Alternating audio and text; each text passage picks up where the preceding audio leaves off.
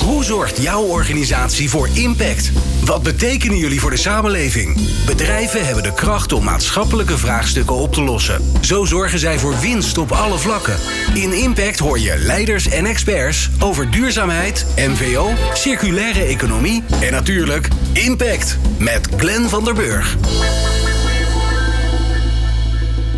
Door, door de energietransitie en de economische ontwikkeling moet steeds meer elektriciteit vervoerd worden. Het huidige netwerk is niet bestand tegen die enorme groei. Gaat dat voor files op het elektriciteitsnetwerk zorgen? En komen daarmee de klimaatdoelen in gevaar? Moeten netbeheerders met mega-investeringen de capaciteit snel uitbreiden? Of zijn er andere oplossingen? Ik ga in gesprek met Hubert Bout. Hij is manager strategie en innovatie en systeemintegriteit bij Liander. En Peter Paul Weda. Hij is Chief Operation Officer bij GroenLeven. Wil je op de hoogte blijven van alle podcasts van Impact? Meld je dan aan voor Impact op WhatsApp. Slaat nummer uh, 0645667548 op op je telefoon. En stuur een bericht met Impact aan. Dan houden we je op de hoogte over de nieuwste afleveringen. Fijn dat je luistert naar Impact. Impact met Glenn van der Burg op Nieuw Business Radio. Hubert en Peter Paul, fijn dat jullie er zijn allebei. Laten we even beginnen met een stelling. Uh, als we niks doen, dan uh, komt er uh, dikke vette file op het elektriciteitsnet. En dan halen we die doelen voor 2030 en 2050 uit het klimaatakkoord nooit. Hubert. Ja, ik kan niet anders dan dat bevestigen. Dat klopt. ons net is niet gebouwd op de, al deze opwek op, de, op een duurzaam systeem. Dus als we niks doen, uh, als we echt helemaal niks doen, hè, dus als we gewoon de centrales laten staan, dan, uh, dan gaat het prima. Dan komen er ook geen files. Maar als we in transitie gaan, of, en eigenlijk zijn we al in transitie, uh, ja, dan moeten we ook echt heel veel aanpassen. Anders krijgen we, anders gaat het niet. Ja, Peter Paul. Nou, het is inderdaad zo dat op dit moment er grote investeringen in de netten gedaan worden. Die zijn super belangrijk. Het is echter ook zo dat we voor de korte termijn even moeten kijken of er slimme oplossingen zijn die we nu al kunnen implementeren om de ruimte, het gebrek aan ruimte wat er op dit moment is, uh, weg te werken. En ik weet dat daar een enorme uitdaging ligt. Die uitdaging kunnen we eigenlijk alleen maar oppakken door samen met elkaar uh, deze uitdaging op te pakken. Ja, nou, daar gaan we vandaag naar kijken. Dat komt mooi uit. Dus als het goed is, hebben we aan het einde van deze aflevering hebben we gewoon alle problemen opgelost. Tenminste, dat hopen natuurlijk een beetje. Want ja, files, daar worden we helemaal niet blij van. Uh, laten we eerst even kijken wat er nou precies aan de hand is. Hè? Waarom, waarom het zo is dat er echt wel wat moet gebeuren. Uh, uh, Hubert, schets, schets ons dat even. En want je zou kunnen zeggen, er ligt een enorme bak kabels in de grond. Waarom, waarom is dat nu niet meer voldoende? Ja, nou, dat is een, best wel een verhaal, maar ik ga het even proberen. En ook een beetje simpel proberen. Kijk, ons, ons elektriciteitssysteem is de afgelopen 100 jaar opgebouwd. En dat is eigenlijk opgebouwd vanuit een, een, eh, een eenrichtingsfilosofie. Grote centrales. En die grote centrales die staan de hele dag te draaien. En die, die stroom die moeten we naar de huishoudens brengen. Naar de bedrijven en de huishoudens. En daar is het hele systeem op ingericht. Dat betekent eigenlijk vanaf de centrale een snelweg. En dan uh, ga je richting provinciale weg. En uiteindelijk kom je richting de huishoudens echt op een klein, klein weggetje. Nou, wat we nu, uh, waar we nu in zitten, is een transitie naar een ander soort systeem. Waarbij je uh, ja, op allerlei andere plekken duurzame energie in gaat voeden. En uh, ja, die, die plekken waar dat is, dat is eigenlijk in de, in de realiteit zo dat dat heel vaak midden in een weiland is. Waar zo'n provinciaal weggetje ligt. Of erger nog, misschien wel een zandweggetje. En daar zetten we dan iets neer wat bijna zo groot is als een centrale. Ja. Ja, dat, dat, iedereen begrijpt dat dat kan natuurlijk niet. Nee, dat, dat werkt niet. Um, ik zou dan ook zeggen, dan moet je hem daar ook niet neerzetten. Ja, maar ik denk Zet dat... hem dan ergens neer waar wel een snelweg is. Ja, uiteindelijk moet, moet Peter Paul er natuurlijk wat over zeggen. Maar het, het, het systeem wat we aan het bouwen zijn, is ook niet hetzelfde. Hè? Dus het is niet zo dat je zoveel energie op kan wekken op de plek waar de snelweg was. Hè? Want duurzaam opwek heeft gewoon een andere vorm van uh, ja, het neerzetten. Een windmolen, en al die windmolens zet je niet in één punt neer, maar dat is een enorm park. Ja. Nou, en met zonne-energie uh, is dat nog veel meer zo. Maar daar weet Peter Paul alles van. Ja, Peter Paul, uh, moeten jullie daar gewoon een beetje meer rekening mee houden? Dat je je, zonne, je zonneparken, uh, zonnebronnen noemen jullie ze volgens mij. Hè? Dat is een mooie, vind ik ook een prachtige woord. Maar dat je die niet zomaar overal neerlegt. Maar dat je gewoon even kijkt van, goh, hoe, is de, hoe is het ontsloten? Nou, natuurlijk kijken we als we een ontwikkeling aangaan voor een zonnepark... waar we de mogelijkheden hebben voor een netaansluiting maar als je natuurlijk kijkt, de zonnepark heeft toch wel wat ruimte nodig. Uh, waar is de ruimte op dit moment beschikbaar? Uh, in Noord-Nederland. En in Noord-Nederland, dat is nou net de plek waar het, uh, het net dun uitgemeten is. En we willen natuurlijk niet in de Randstad allemaal zonneparken en, uh, en windmolens neer gaan zetten. Dus we moeten daar op een slimme manier moeten we daar, uh, moeten we daar naar gaan kijken. Ja, maar in de Randstad toch ook heel veel daken. Die kunt toch ook mooi voorleggen? Nou, daken is natuurlijk een, een, zeg maar een hele logische stap. Je ziet ook in de ressen de regionale energiestrategieën die nu uitgewerkt zijn, dat zon op dak de prioriteit krijgt. Dat is een hele mooie dubbelfunctie. Dat is waar wij als GroenLeven ook voor staan. Om projecten in dubbelfunctie uit te rollen. Daken zijn heel logisch, maar alleen op daken gaan we er niet komen. We moeten ook op land, we moeten ook op water. Want daken is gewoon niet genoeg? Daken is onvoldoende. Oké. Ja. Als je kijkt naar de enorme uitdaging die we met de energietransitie voor ons hebben. Het net loopt nu al vol. Uh, we hebben nu 20% van de energievraag is op basis van elektriciteit. En dat zal alleen nog maar gaan toenemen. De verwachting is dat dat er ruim naar 50% zal gaan. Misschien nog wel meer. Dus er is toch heel veel, heel veel te doen. Ja. ja Hubert, we, we, weten al best wel lang dat dit eraan zit te komen. We zitten er nu echt heel erg middenin. Er zijn nu ook beslissingen genomen met het klimaatakkoord. Dus we weten ook wat de uitdaging is. Maar we wisten eigenlijk al wat die was. Waarom, hebben we niet, waarom zijn we niet gaan, gaan uh, uh, zeg maar investeren alvast tien jaar geleden? Zeggen van ja, we weten eigenlijk we hebben zonne-energie nodig. We wisten al, in de Randstad is niet veel plek. Dus laten we gewoon hele dikke leidingen leggen naar het noorden. Dan kunnen we daar mooi uh, gebruik maken van de ruimte die er is. Dat is meer, meerledig. Hè? Dus, dus stap 1 is uh, eigenlijk, eigenlijk wat je zegt, hè, die meer leidingen naar het noorden. Zo makkelijk is het niet. Want het, het probleem van uh, deze decentrale energietransitie is dat hè, wordt, we leggen het wel in het noorden neer, die zon. Maar we weten eigenlijk niet precies waar. Dus wij hebben een jaar of zeven geleden een studie gedaan over ook zon op dak.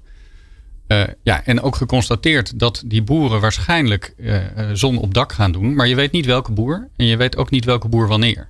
En dat maakt heel erg veel uit. Hè? Want dan komen we weer terug op die zandweg. Als je die zandweg uh, neerlegt 10 kilometer van waar die boer zit. Ja, dan heeft het geen nut. Nee. Dus het voorinvesteren, dat is iets waar we vaak op aangesproken worden ja, we weten wel dat het kwam. Dus we hebben er wel uh, over nagedacht. Maar je weet niet waar het komt. Ja, dus voor ons is heel belangrijk wat komt waar wanneer. Want je moet ook weten hoeveel er komt. Ja, ja want, want voor de helderheid, hè, om maar even in de, in de metafoor van, de, van het vervoer te blijven. Jullie zijn eigenlijk niet verantwoordelijk voor de snelwegen. Want dat doet uh, Tenet. Ja. en die, moet, die zorgt wel dat er genoeg capaciteit naar het noorden is. Maar ja. vanaf daar, de, alle aftakkingen, die doen jullie. Dus wij doen de aftakkingen. Maar de vraag is, waar leg je het wegennet neer? Ja. En dat is echt, en dat is best wel belangrijk. Zeker als je het hebt over die hele grootschalige zonneweides. Ja, die kan je, niet, je kan ze niet echt voorspellen. Hè? Je kan een beetje voorspellen. Dus wij kunnen wel zien waar, waar is de grond goedkoop. Waar denken wij dat het gaat komen. Maar dan kom je op, op een regio en niet op het perceel. Ja, die weg moet naar het perceel. Dus daarom, eh, daarom konden we daar niet, uh, ja, ja, want, dat niet voor aanleggen. Want schets ons even. Stel je voor dat je zegt, we denken dat het hier komt. We leggen hem alvast aan en hij komt niet. Wat is dan de desinvestering? Waar moet je dan aan denken? Ja, dat, het ligt er een beetje aan hoe groot het is. Maar je hebt het over miljoenen, ja. tientallen miljoenen. En als hij niet komt, ja, dan staat er dus tientallen miljoenen niks te doen. Nee. En het probleem is dat dat niet ten koste gaat van degene die het park daar niet neerzet. Maar die tientallen miljoenen, die betalen alle afnemers. Ja, en we hebben natuurlijk uh, een maatschappelijke rol. Dus wij moeten zorgen dat we uh, een zo betrouwbaar mogelijk net hebben en houden. En dus we hebben een super betrouwbaar net in Nederland. Ja. Een van de betrouwbaarste van Europa. Maar we moeten ook zorgen dat het betrouwbaar blijft en dat het betaalbaar is. Ja. En die betaalbaarheid, dat maakt dat het, eh, het puur voor investeren uh, ja, lastig is. En, en dan ga ik, ik, ik, ga, ik denk, uh, ik heb er geen verstand van. Dus dat is, geeft mij een voordeel dat ik gewoon uh, lekker dingen kan bedenken. Ik denk dan, um, oké, okay, Peter Paul moet dus van tevoren, die weet ook van tevoren, die weet ook langer dan twee weken van tevoren dat hij ergens een hoop zonnepanelen neer gaat leggen. Um, als jullie dat goed afstemmen, dan kan dat vast snel genoeg. Dus, dus uh, um, Hubert, hoeveel tijd hebben jullie nodig? Dus stel je voor dat ik, ik zeg, ik ga daar een zonnepark neerleggen. Hoe lang van tevoren moeten jullie dat weten om dat een beetje ontspannen te kunnen neerleggen dan? Nou, als we het echt ontspannen neer willen Ja. leggen, dan is het acht jaar van tevoren. Acht jaar? En dat klinkt heel erg lang, maar ik kan wel uitleggen waarom dat is. Hè. Dus ja, een, een, nou dat een- is lang, acht Ja. jaar. Nee, maar ik kan uitleggen waarom, waarom die acht jaar zo, of eh, acht jaar belangrijk is, of vijf jaar. hè. Dus het ligt een beetje aan, aan eh, omgevingsvergunningen. Als het, als het gaat over een, een boerenschuur met een paar panelen op het dak, dan hoeft dat helemaal geen acht jaar van tevoren. Hè. Dan moeten we van tevoren, eh, nou pak een beetje twee, drie jaar van tevoren een indicatie hebben om te kijken of er voldoende capaciteit is. Als er niet voldoende capaciteit is, dan moeten we uh, wat dunnere kabeltjes neerleggen, zeg maar een provinciale weg aanleggen. Nou, dat kan in, uh, in een jaar of twee, drie. Maar als er een heleboel van die boerendaken zijn, dan komen al die provinciale wegen bij elkaar bij een knooppunt, zeg maar knooppunt Del. En knooppunt Del aanleggen, daarvoor moet je uh, grond kopen, daarvoor moet je bestemmingsplanwijzigingen doen, daarvoor moet je vervolgens nog bouwvergunningen hebben. Ja, dat, gaat, dat duurt tussen de vijf en acht jaar, afhankelijk van hoe groot de, de impact is. Ja. En dus uh, dat is niet, niet zozeer de bouwtijd van ons, maar het is de hele, de hele omgevingsprocedure eromheen die die enorme uh, ja. tijd, tijd maakt. Ja, want als ik, ik woon ergens en als uh, jullie bedenken, we gaan hier een nieuw transformatorhuisje neerzetten en dat staat naast mijn huis of mijn tuin, dan moet ik de ruimte hebben om te zeggen, nou dat lijkt me niet. Ja. Daar heb ik niet zoveel zin in. Ja, want dan nee. gaat de waarde van mijn huis naar beneden enzovoort enzovoort. En dat kost heel veel tijd. Dat kost heel veel tijd. En dan is gelukkig een transformatorhuisje waar jij aan denkt. Uh, dat is niet zo moeilijk. Nee. Maar we hebben het hier echt over enorme, enorme onderstations. Ja, met overlast. En er is gewoon een inspraakprocedure en een uh, participatierecht van burgers. Ja, dat is er. Ja. En, uh, en, en gelukkig maar, want anders kan jij geen bezwaar maken. Ja. Peter Paul, nou dan gaan we even naar jou. Hoe lang van tevoren weet jij dat je ergens wat neer gaat zetten? De ontwikkeling, de van, plannen. de ontwikkeling van een zonnepark duurt ongeveer tussen de twee en de vier jaar. Dus ga uit van oh gemiddeld drie jaar van tevoren dat we het weten. Nou, daar zie je meteen ook al het ja, spanningsveld. Er zit vijf jaar verschil tussen. Het spanningsveld zie je natuurlijk uh, uh, zie je ontstaan. Uh, als je ook even kijkt naar de uitdaging nu. Hè. In, in juni van volgend jaar komen de, de regionale energiestrategieën. Nou, daar komt zon prominent komt daaruit naar voren. Er moet veel meer zon komen, eigenlijk veel meer zelfs dan we in het klimaatakkoord uh, afgesproken hebben met elkaar. Als je nu even kijkt naar de bouwtijd van, uh, van acht jaar, voor dat er netkoppelingen beschikbaar zijn, dat betekent dus dat we om die doelstelling in 2030 te halen, reken maar even uit, dat is nog negen jaar, of zeg tien jaar. Ja. Acht jaar om de netten te bouwen, dat betekent dat we dan nog twee jaar eigenlijk de tijd hebben om al die windmolens en al die zonneparken vervolgens nog te gaan bouwen. Nou, dan weten we nu al dat dat een enorme uitdaging is. Hè. Op jouw initiële vraag, zijn we, zijn we nu wakker? Ja, we zijn nu wakker. Maar we zijn wel laat wakker geworden. We zijn eigenlijk als BV Nederland een beetje overvallen door de snelle groei, de snelle kostprijsontwikkelingen die we zien op het gebied van de opwek van duurzame energie. Ja. Nou, kortom, volgens mij is wel helder dat we een interessante uitdaging hebben. De grote vraag is natuurlijk, hoe gaan we dat oplossen? Nou, daar gaan we het zo over hebben. Ieder bedrijf wil duurzaam zijn. Maar hoe doe je dat?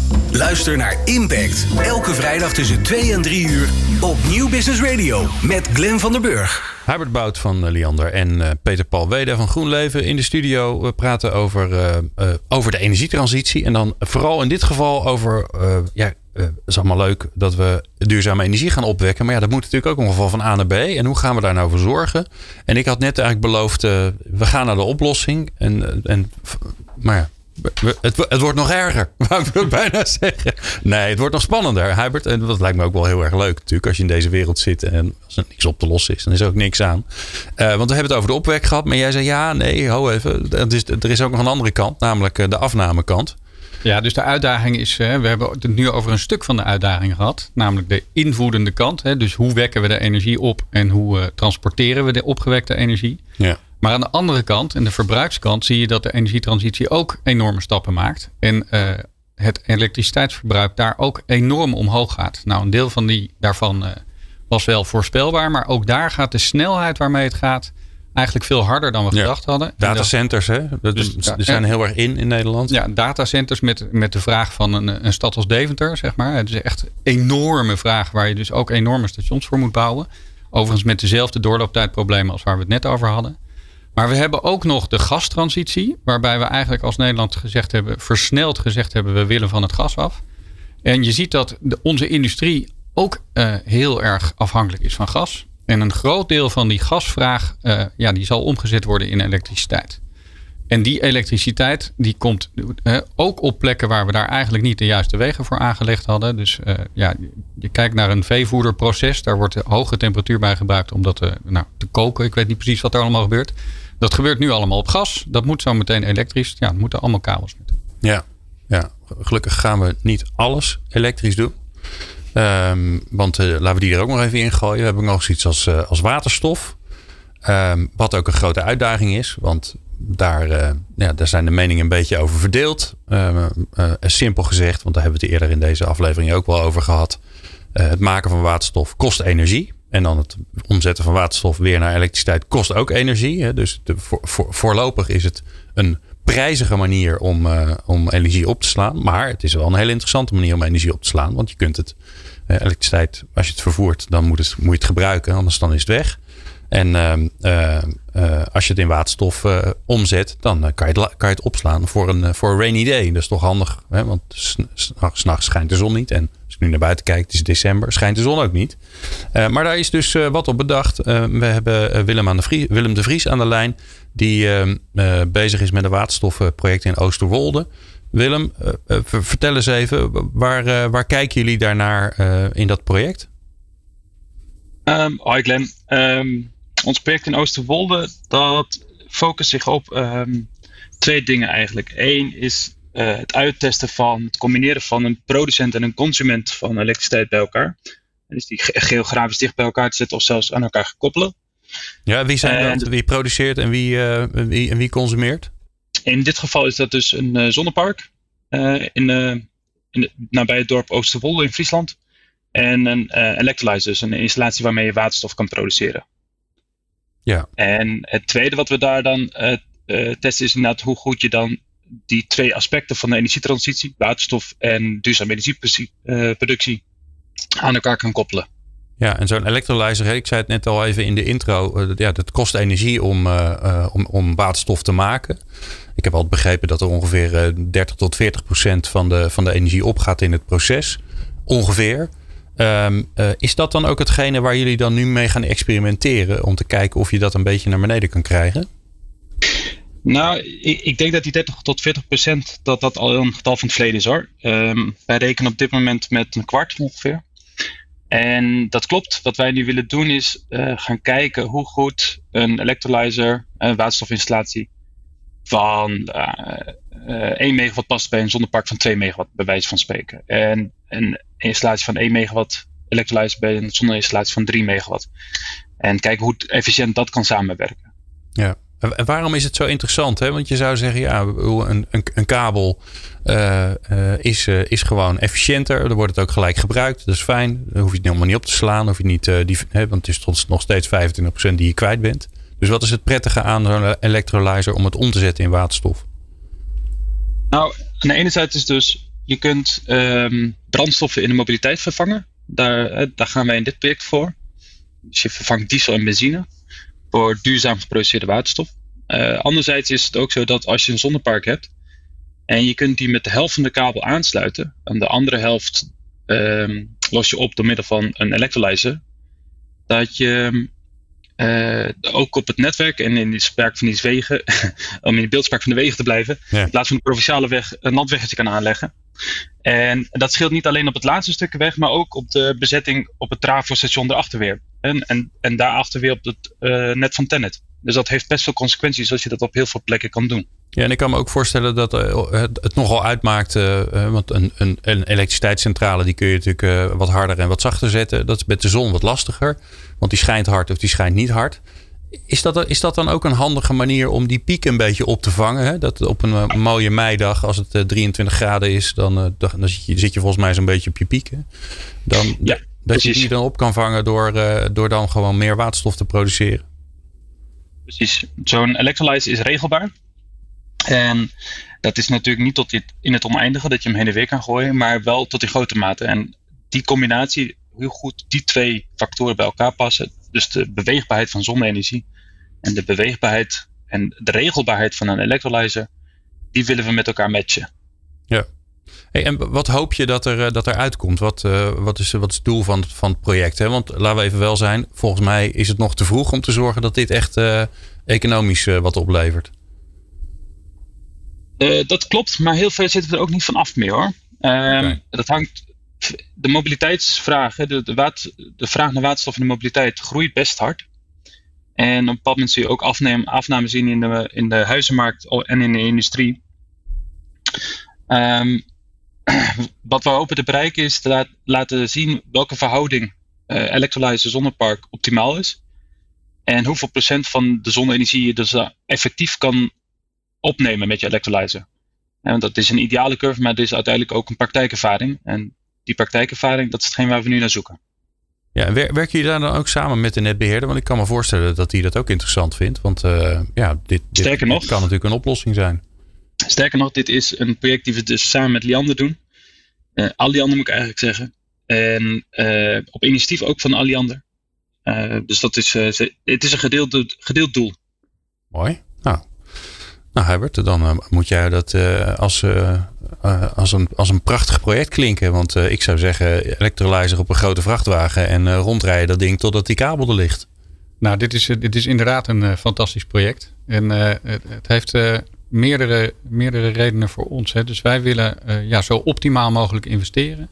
En wat je eigenlijk ziet is dat uh, energie transporteren als elektron is een relatief dure manier van, van, van energie transporteren. En gasvormig transporteren, daar kan je veel hogere uh, energievolumes transporteren met minder kosten.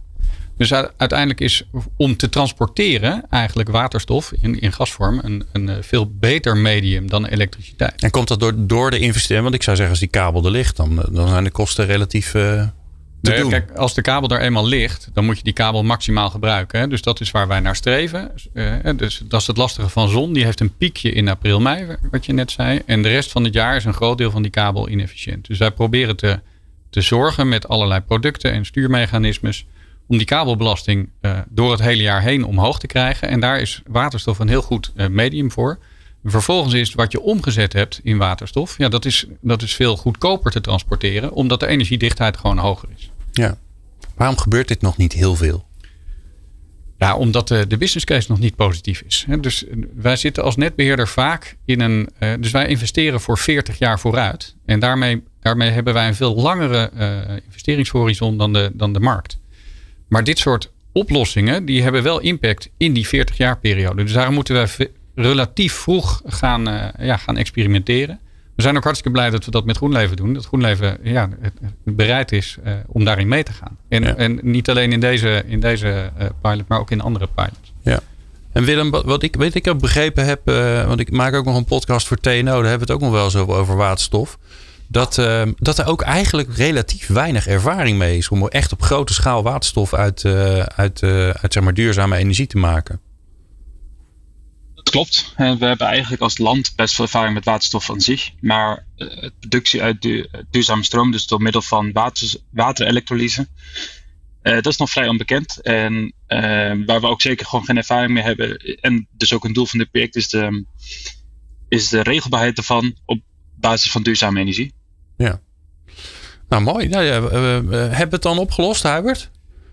Nou, uh, ja, maar, ja. Dat, maar dat is wel over. Hè, dus wij, wij praten dan wel over een horizon van na 2030. En waar we het eigenlijk nu over hebben. Dus hè, dit is aangezwengeld door het klimaatakkoord met het doel voor 2050. Dus daarom is waterstof ook hartstikke belangrijk. Maar wel met een lange horizon. Uh, maar we hebben het nu niet opgelost. Hè? en waarom is, die, waar, waarom is dit geen oplossing voor de korte termijn? Omdat het nog niet, uh, niet haalbaar is. Ik bedoel, we doen nu een experiment. En dat is een experiment van met een anderhalf megawatt electrolyzer in Oosterwolde naast een 55 megawatt zonnepark. Nou, dat illustreert dat het echt dat nooit op kan vangen. 1 op 55, dat is gewoon, dat, dat, is niet, dat kan niet uit. Nee. En we weten dus niet wat de goede verhouding is. Dat moeten we hier uitzoeken. Uh, maar die electrolyzer is nog veel te duur om die uh, zeg maar 25, 55 verhouding van te maken. Dus dat is echt nog uh, toekomstmuziek. Maar het is wel noodzakelijk. En uh, ja, ik ben ervan overtuigd, maar ik ben daar ook wel een beetje grijze mannen believer in, dat dit wel gaat komen. maar dat gaat wel nog een aantal jaren duren. En in die tussentijd hebben wij nu, hè, dus even wat, wat getalletjes roepen. We hebben nu iets van 6000 grootschalige zonne, zonneparken aangesloten op ons net. We hebben een 400 transportbeperkingen. Die zijn niet alleen voor zonneparken, die zijn ook voor levering, dus ook voor datacenters. Even vertellen wat een transportbeperking is hoor. Dan dat, denk ik gelijk aan iemand, een vrachtwagen die niet mag rijden. Nou, en dat is het precies. Oh. dus als we weer teruggaan naar de wegenanalogie. Uh, uh, files op het elektriciteitsnetwerk, dat is iets wat eigenlijk niet kan. Want een file, dat betekent dat er niet getransporteerd wordt. En dat betekent dus ook dat je ijskast het op dat moment niet doet. Dus wij hebben als netbeheerder de plicht om de file te voorkomen. Dus wij zorgen aan het begin van de snelweg, houden we tegen, zeg maar. En dat noemen we een transportbeperking. Nou, dat is waar, waar Peter Paul mee te maken heeft. Als hij een zonnepark neer wil zetten op een plek waar eigenlijk uh, file dreigt, dan moeten wij eh, tegen Peter Paul zeggen: Sorry, Peter Zet Paul. het maar uit. Nou, uh, ja, we, we, willen je wel aansluiten, maar je mag eigenlijk je energie pas transporteren op het moment dat we de weg verbreed hebben. Nou, en dat, is, dat speelt nu. Dus dat speelt niet pas over tien jaar als waterstof daar eventueel de oplossing voor, voor is. Dus we moeten daar nu allerlei uh, uh, andere oplossingen voor verzinnen. Nou, en die andere oplossingen, daar gaan we het zo over hebben. Wat is jouw impact? Met Glenn van der Burg. We hebben het over de energietransitie. We hebben het over het vervoer eigenlijk van, uh, van de energie. Uh, van, uh, van aanbod naar vraag. Herbert Bout van Lianders in de studio. Peter Paul Weda van GroenLeven. Um, ja, hoera. We hebben waterstof. daar kunnen we in de toekomst wat mee. Maar ja, dat is pas volgens de inschatting van Hubert echt, echt een oplossing na 2030. Nou, we hebben een aardige doelstelling tot, tot 2030 te behalen. Dus ja, we, we zijn er nog niet. Um, Peter Paul, nou, uh, we hebben nog tien jaar. We moeten ongelooflijk veel duurzame energie gaan opwekken. Maar ja, het is leuk om het op te wekken. Als jij een transportbeperking hebt, want ik heb weer wat nieuws geleerd. Dan, dan kunnen we niks met die duurzame energie. Sterker nog, dan moet jij die, je parken uitzetten. Dus waar ligt dan de oplossing? Nou, er zijn een aantal oplossingen. Hè. Op dit moment zijn de netbeheerders druk natuurlijk met, met graven en met, met kabels leggen. de capaciteit zal gewoon moeten gaan verdubbelen. Even ter indicatie, wij hebben op dit moment ongeveer 100 megawatt aan projecten die wij niet kunnen aansluiten, omdat we dus tegen het congestie vraagstuk aanlopen. Daar zitten klanten achter, daar zitten grondeigenaren achter, daar zitten gemeenten zitten daarachter waar we dus eigenlijk nee moeten verkopen omdat we onze ontwikkeling niet uh, kunnen doorzetten. Dus dat is in ieder geval alleen al voor ons. En wij zijn natuurlijk wel marktleider. Uh, maar is dit echt wel een serieuze issue als ik kijk naar de, de zonnemarkt en ook de windmarkt in, uh, in Nederland. Nou, er zijn een aantal slimme oplossingen die korte termijn al verlichting kunnen bieden. Eén die natuurlijk al in gang gezet is, maar nog niet operationeel, is het openzetten van de vluchtstrook. Als we toch praten over snelwegen. Ik ja, kwam hier vandaag weer. Een goede metafoor. En, hè? Iedereen snapt het gelijk. Ja. De, vluchtstrook. de vluchtstrook openzetten. Het net in Nederland is dubbel uitgevoerd uh, om voor uh, de opwek van duurzame energie de vluchtstrook beschikbaar te maken. Uh, als het is, gaat, gaat een oplossing bieden, de wetgeving daarvan, daar zitten we nog even op te wachten. En het zal ook een bepaalde mate van extra ruimte geven, maar onvoldoende. Dus er zijn nog een aantal andere zaken. Maar laten we eerst de, we gaan eerst de vluchtstrook, eerst even, de vluchtstrook. even kijken of we de vluchtstrook erbij, want dat, dat helpt toch uh, in file tijd. Uh, Hubert, de vluchtstrook dubbel uitgevoerd, dat moet je even uitleggen. Ja, dus wat ik net zei, hè, dus wij voorkomen dat er, wij moeten voorkomen dat er überhaupt een file ontstaat. En op het moment dat er een gat in de weg is, dan moeten we toch zorgen dat jij je ijskast kan laten draaien. En daarom hebben we eigenlijk, uh, nou, we gaan even door met de snelweg, eigenlijk twee wegen naast elkaar gelegd. En ja, dat noemen we de vluchtstrook. Maar het is eigenlijk groter dan de vluchtstrook. Het is gewoon een, een extra weg. Het is gewoon een parallele weg. Het is een parallelweg. Het is een ja, parallelweg. We hebben hem. Een ja. parallelweg. Ja, het is een parallelweg. Alleen daar, oh, die parallelweg, daar rijdt nooit iemand over. Die parallelweg, dus als alles goed, ja. goed gaat, is dat een loze weg.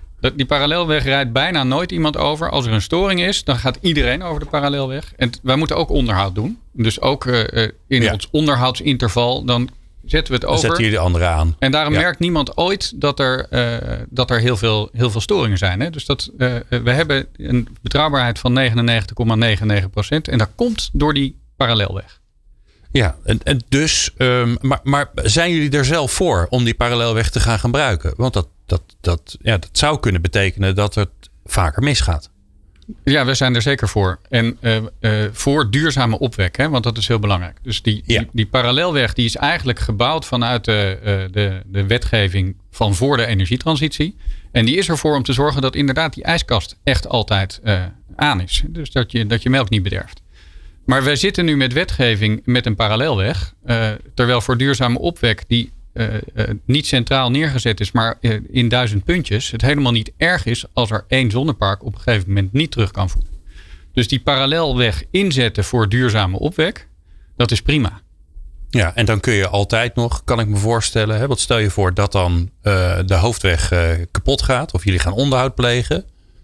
Kun, kun je dan in overleg met, nou in dit geval GroenLeven zeggen, joh, ja, sorry, eh, je moet toch wel even je park uitzetten, want we gaan onderhoud plegen. Ja, dus dat is de voorwaarde van het gebruiken van de parallelweg. Dat is dat als er een storing is, dat zonnepark ook afgeschakeld wordt. Ja, maar dit is grappig, hè? Want, want nu praten we erover en dan denkt iedereen, uh, dat is toch logisch, dat, dat doen we dan even. Maar, maar zo, zo eenvoudig is het niet. Want uh, volgens mij zijn er allerlei wetten en regelgeving over de hele energielevering waar jullie allemaal aan moeten voldoen. Ja. en ook dingen die je niet mag, of waarvan we denken dat, dat je niet mag. Ehm, dus, dus nu zijn we allemaal heel vriendelijk hier. Maar ik kan me ook voorstellen dat, uh, dat GroenLeven zegt: ja, het is allemaal leuk en aardig, maar er staat hier in de wet: je moet gewoon binnen zoveel tijd aansluiten. Veel succes. En anders, anders dan, dan, ja, dan krijg ik gewoon, ga, ik, ga ik naar de rechter. En dat is precies het dilemma. Hè? Dus we hebben een heel wettelijk instrumentarium en met wettelijke plichten. en daar, nou, daar hebben we in, zeg een jaar geleden stonden we min of meer lijnrecht tegenover elkaar. Ik, zie ons nog zitten in, uh, in Den Haag. Uh, nou, met, met, een boze sector en een boze, uh, leversector, een boze leversector en een boze transportsector tegenover elkaar. En aan het eind van de sessie kwamen we er eigenlijk achter dat we precies hetzelfde willen. Maar wat gebeurde er dan? Wat is interessant. Dus jullie stonden recht tegenover elkaar en toch zijn jullie bij elkaar gekomen. Nou ja, dus, dus er, hier in de studio, wat hier zit in ieder geval wel. Ja, er was in principe sprake van onbegrip en elkaar je verschuilen achter je uh, wettelijke positie. dus we hebben een wettelijke positie waarin we iets moeten. Ja, uh, en tegelijkertijd uh, heeft Peter Paul, ja, die zegt, ja, ik wil gewoon leveren en ik ga een rechtszaak aanspannen in ieder gaatje wat ik kan vinden. Maar als je maar goed uitlegt waar je echt mee zit, en volgens mij ook ja, wat je eigenlijk echt wil, want ik wil helemaal niet Peter Paul niet aansluiten het is, het, het, is echt heel diep in de genen van de netbeheerders om dat juist wel te doen. Dus wij vinden het allemaal vreselijk vervelend. Maar je moet wel eerst op een niveau komen dat je dat met elkaar kan bespreken. Ja. En uiteindelijk blijkt dat wij, zeg maar, want dit, dit gaat dan over, dat noemen we N-1, het gebruiken van de parallelweg of het verlaten van de vluchtstrook. Ja, dat willen we allemaal. Maar dat moet dan ook in Den Haag veranderd worden. Nou, daar is Den Haag al een tijdje mee bezig. Dat heet de AMVB N-1. Zo, de ja. algemene maatregel van bestuur. Ah. En min 1. Ja. Uh, we hebben goede hoop dat hij uh, het begin van het jaar nu ook echt ingaat. Maar dat is een traject van anderhalf jaar geweest. Ja, ja dus één van ja, en dat is dan waarschijnlijk snel. En dat is, dat is, daar, hè, daarom is het een AMVB. Begrippen, ja. Daarom is het een AMVB en niet een aanpassing van de wet. Hè. Dus, en dat is dan heel erg snel. Maar eigenlijk als je kijkt naar de snelheid van de energietransitie. De snelheid waarmee de, de, de zonneparken nu groeien. Dan is anderhalf jaar voor dat soort wijzigingen niet snel genoeg. Nee. Peter Paul, wat, want dit is mooi, hè? leuk. We hebben, we hebben iets gevonden. Uh, anderhalf jaar voor de aanpassing van de wet. Daarvoor waren die waarschijnlijk al mee bezig door met de netbeheerder in gesprek te gaan. Een beetje ruzie te maken. Een beetje stoken. Daar moet je ook keuzes in maken. Wat doe je wel, wat doe je niet. Um, ik, ik, begin me een beetje zorgen te maken over dat 2030 als ik dit hoor. Dan denk ik ja, als je, als je, als je eerst Robertje moet vechten met elkaar Um, om vervolgens weer vriendjes te worden. En dan uh, weer krijg je waarschijnlijk daarna met z'n tweeën ruzie met, met uh, Den Haag. Omdat ze daar niet hard genoeg rennen. Ja, volgens mij hebben we met z'n allen een probleem. Dus wat is er nodig? Nou, het klopt dat we inderdaad met z'n allen een probleem hebben. We zijn op dit moment binnen Europa nog steeds het vieste jongetje van de klas. En ehm, om de doelstellingen van het klimaatakkoord te halen, zullen we echt moeten gaan versnellen. Uh, de vluchtstrook, zei ik net al, is een mogelijkheid uh, daartoe. Daar zijn we druk mee bezig. En ik moet toegeven dat de afgelopen periode de dialoog tussen verschillende partijen in de markt significant is verbeterd. Hè. Dit, uh, het voorbeeld waar we het net over hadden, het waterstofproject, is daar een, een goed voorbeeld van. Een ander voorbeeld is het convenant wat recent is gesloten tussen Holland Solar, de koepelorganisatie, en de netbeheerders, waarin we eigenlijk afgesproken hebben om onze zonneparken aan te sluiten op 70% van het piekvermogen. Daarmee creëren we toch weer extra ruimte ook op het, uh, op het net. En uh, ja, ik denk dat het goed is dat we op zo'n manier uh, met elkaar proberen samen te werken. Een volgende stap daarin zou kunnen zijn, en ik wil eigenlijk hier ook de suggestie doen om daar nog een verdere aanscherping uh, in te zoeken. ik heb niet het idee dat in dat convenant de volledige ruimte benut is die zo'n samenwerking um, mogelijk zou kunnen maken. Er zijn echter nog een aantal andere uh, zaken die denk ik belangrijk zijn. Een daarvan is uh, cable pooling. Een andere mooie term om er Zeker. even in te gooien. Dan moet je gelijk vertellen wat het is. Want ja, dat zal ik zeggen wat cable pooling is. Stel voor, ik heb een windpark. Dat heb ik aangesloten. En uh, nou, dan heb ik een mooie kabel. En ik heb een mooie, mooi aansluitpunt heb ik, gekregen van, van Hubert. Uh, het is alleen zo dat het opwekprofiel van wind en zon behoorlijk uh, complementair zijn. Dus je ziet dat op het moment dat de zon schijnt, echt fel schijnt, dat er weinig wind is. En op het moment dat er wind is, dat er over het algemeen geen zon is. Dus Ja. die twee. De gemiddelde zeiler weet dat, hè? De gemiddelde- Ja. Dus als je een wind- en een zonnepark combineert, bijvoorbeeld op dezelfde locatie of op dezelfde aansluiting, heb je geen uitbreiding van de, eh, van de netaansluiting eh, heb je nodig. En kan je dus eigenlijk daarin een verdubbeling, eh, bijvoorbeeld van de capaciteit of een verdere uitbreiding van de capaciteit eh, mogelijk maken. En, waarom gebeurt dat nog niet? Lijkt me een no-brainer. Het is een no-brainer. Het is alleen zo dat stel voor, ik ben die windontwikkelaar. Ik heb die, eh, die netaansluiting. En dan komt GroenLeven komt langs en die zegt... joh, we zouden graag gebruik hiervan willen maken. En dan zegt hij van, ja, nou, goh, goh interessant hè.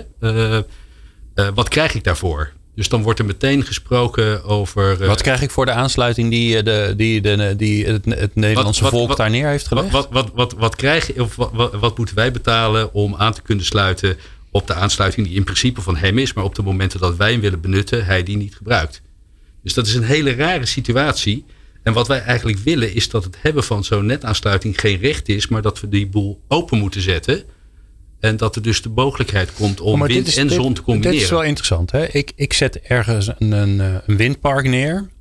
En dan krijg ik een aansluiting. Of krijg ik een aansluiting. Moet hij betalen eigenlijk die aansluiting? Ja, dus Herbert? eh, hij moet voor een deel betalen. Dus wij moeten het, het onderliggende net, dat, eh, dat moeten wij betalen. Dus Ja. dat betalen wij allemaal met elkaar. Ja. Eh, maar zeg maar het laatste stukje, de oprit, dat noemen we dan de echte aansluiting. De oprit die betaalt eh, eh, het zonnepark. Oké, maar dat is, een, dat is natuurlijk een, een fractie van, Het is een van fractie de van, echte kosten. het is een fractie van de diepere netinvestering. Maar het is voor, voor een business case van zo'n ontwikkelaar niet een fractie. Want dat zijn ook flinke bedragen. Ja. En zeker voor een windpark. Hè, dus dat, dat zijn eh, eh, grote, eh, uitgestrekte eh, eh, gebieden. Ja, de aansluiting daar naartoe, die kan ook in de miljoenen lopen. Ja. Nou, dat eh, snap ik dan wel, toch? Weet Paul dat je zegt, ja, dan moet je, een beetje meebetalen. Groen leven. Nou, een beetje mee bepalen, eh, betalen is op zich prima. Maar we komen bijvoorbeeld nu in een situatie hè, bij de Krammersluizen. Om even een voorbeeld te noemen. In Zeeland, eh zijn gebied eh, sluis van Rijkswaterstaat. Die willen daar drijvend zonneparken realiseren. Is dat de windontwikkelaar heeft gezegd. joh, ik wil niet poelen. We houden de deur gewoon op slot. En daarmee eigenlijk de deur eh, eh, voor een eerlijke concurrentie eh, en een normale prijsstelling uitsluit. En ik denk dat dat niet in het belang is van een, een, een kostenefficiënte energietransitie. Ja. Dus wij pleiten ervoor om de boel open te zetten. En ik zou willen zeggen, laten we tussen de netbeheerders, de wind- en de zonontwikkelaars samen proberen een convenant op te stellen hoe we dit met elkaar Ja. efficiënter kunnen, voor elkaar kunnen krijgen. In plaats van, nou zeg maar even, de, de, de padstelling waar we nu in zitten eh, vast te houden. Ja, alright. We gaan eh, zo naar eh, het laatste blokje. En dan gaan we even naar de toekomst kijken. eh, ja, wat, er, wat er moet gebeuren. Dat zijn we natuurlijk eigenlijk al stiekem een beetje aan het doen. Maar dan gaan we naar, naar lekkere concrete dingen waarbij we zeggen... nou, we hebben nog tien jaar. Ehm, wat, eh, wat gaan we allemaal voor elkaar fixen? En eh, wie, wie hebben we daar eigenlijk bij nodig? Dat hoor je zo. Gesprekken met impact. Met Glenn van der Burg.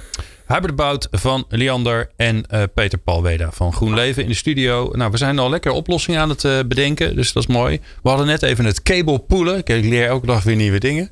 Ehm, ja, Hubert, daarin zijn jullie denk ik een onafhankelijke partij waarvan je zegt, ja, jongens, eh, daar kunnen we niet zoveel in betekenen. Of nou, wel? zeker niet, want eh, wij zijn zelf een, een voorstander en ook een aandrager van het cablepoelen. Want als je cablepoelt, betekent dat dat je ook je diepere netten minder dik hoeft aan te leggen. Dus hè, wij zijn eh, vanuit onze maatschappelijke rol groot voorstander van het cablepoelen. En wat Peter Paul net al aangaf, hè, dus daar is financiën zijn een probleem, maar het is ook de juridische aansprakelijkheid. Hè? Want wie heeft nou de verantwoordelijkheid over die aansluiting? Nou, en dat zijn, zijn allemaal, het zijn allemaal dingen die niet zozeer in de praktijk liggen. Hè, want die kabels die komt de grond wel in. En die elektronen gaan wel over die kabel heen. Maar het ligt allemaal in de juridische, eh, wettelijke, regelgevende sfeer. Is er nou iemand die daar de regie over heeft? Want ik kan me voorstellen, dit popt op. Dit is een oplossing. Dat, er, dat, we iemand, hè, zeg maar even iemand, een, een, een, een, een, pittige vrouw of een pittige man nodig hebben. Die zegt, hé, hey, maar wacht even. Dit is een oplossing. Er zijn belangen, die zijn tegengesteld. Ik ga nu als een dolle met iedereen praten. Ik ga ze in een hok stoppen. Nou ja, of virtueel in een hok stoppen. Ik ga eh, eh, zorgen dat we sneller eigenlijk door die fase van... eh, we hebben tegengestelde belangen naar we hebben dezelfde belangen. Want iedereen weet, daar heb je altijd even een proces voor nodig die, die daarvoor gaat rennen? Is er zo iemand die dat gaat regelen? Of moet hij het allemaal zelf maar een beetje uitzoeken? Ja, ik denk, uh, dus het allemaal bij één persoon als regie neerleggen is volgens mij niet de oplossing. Want dan kom je in een, in een uh, technocratische dictatuur terecht. Aan zich vanuit mijn ingenieursopleiding natuurlijk een hele mooie oplossing.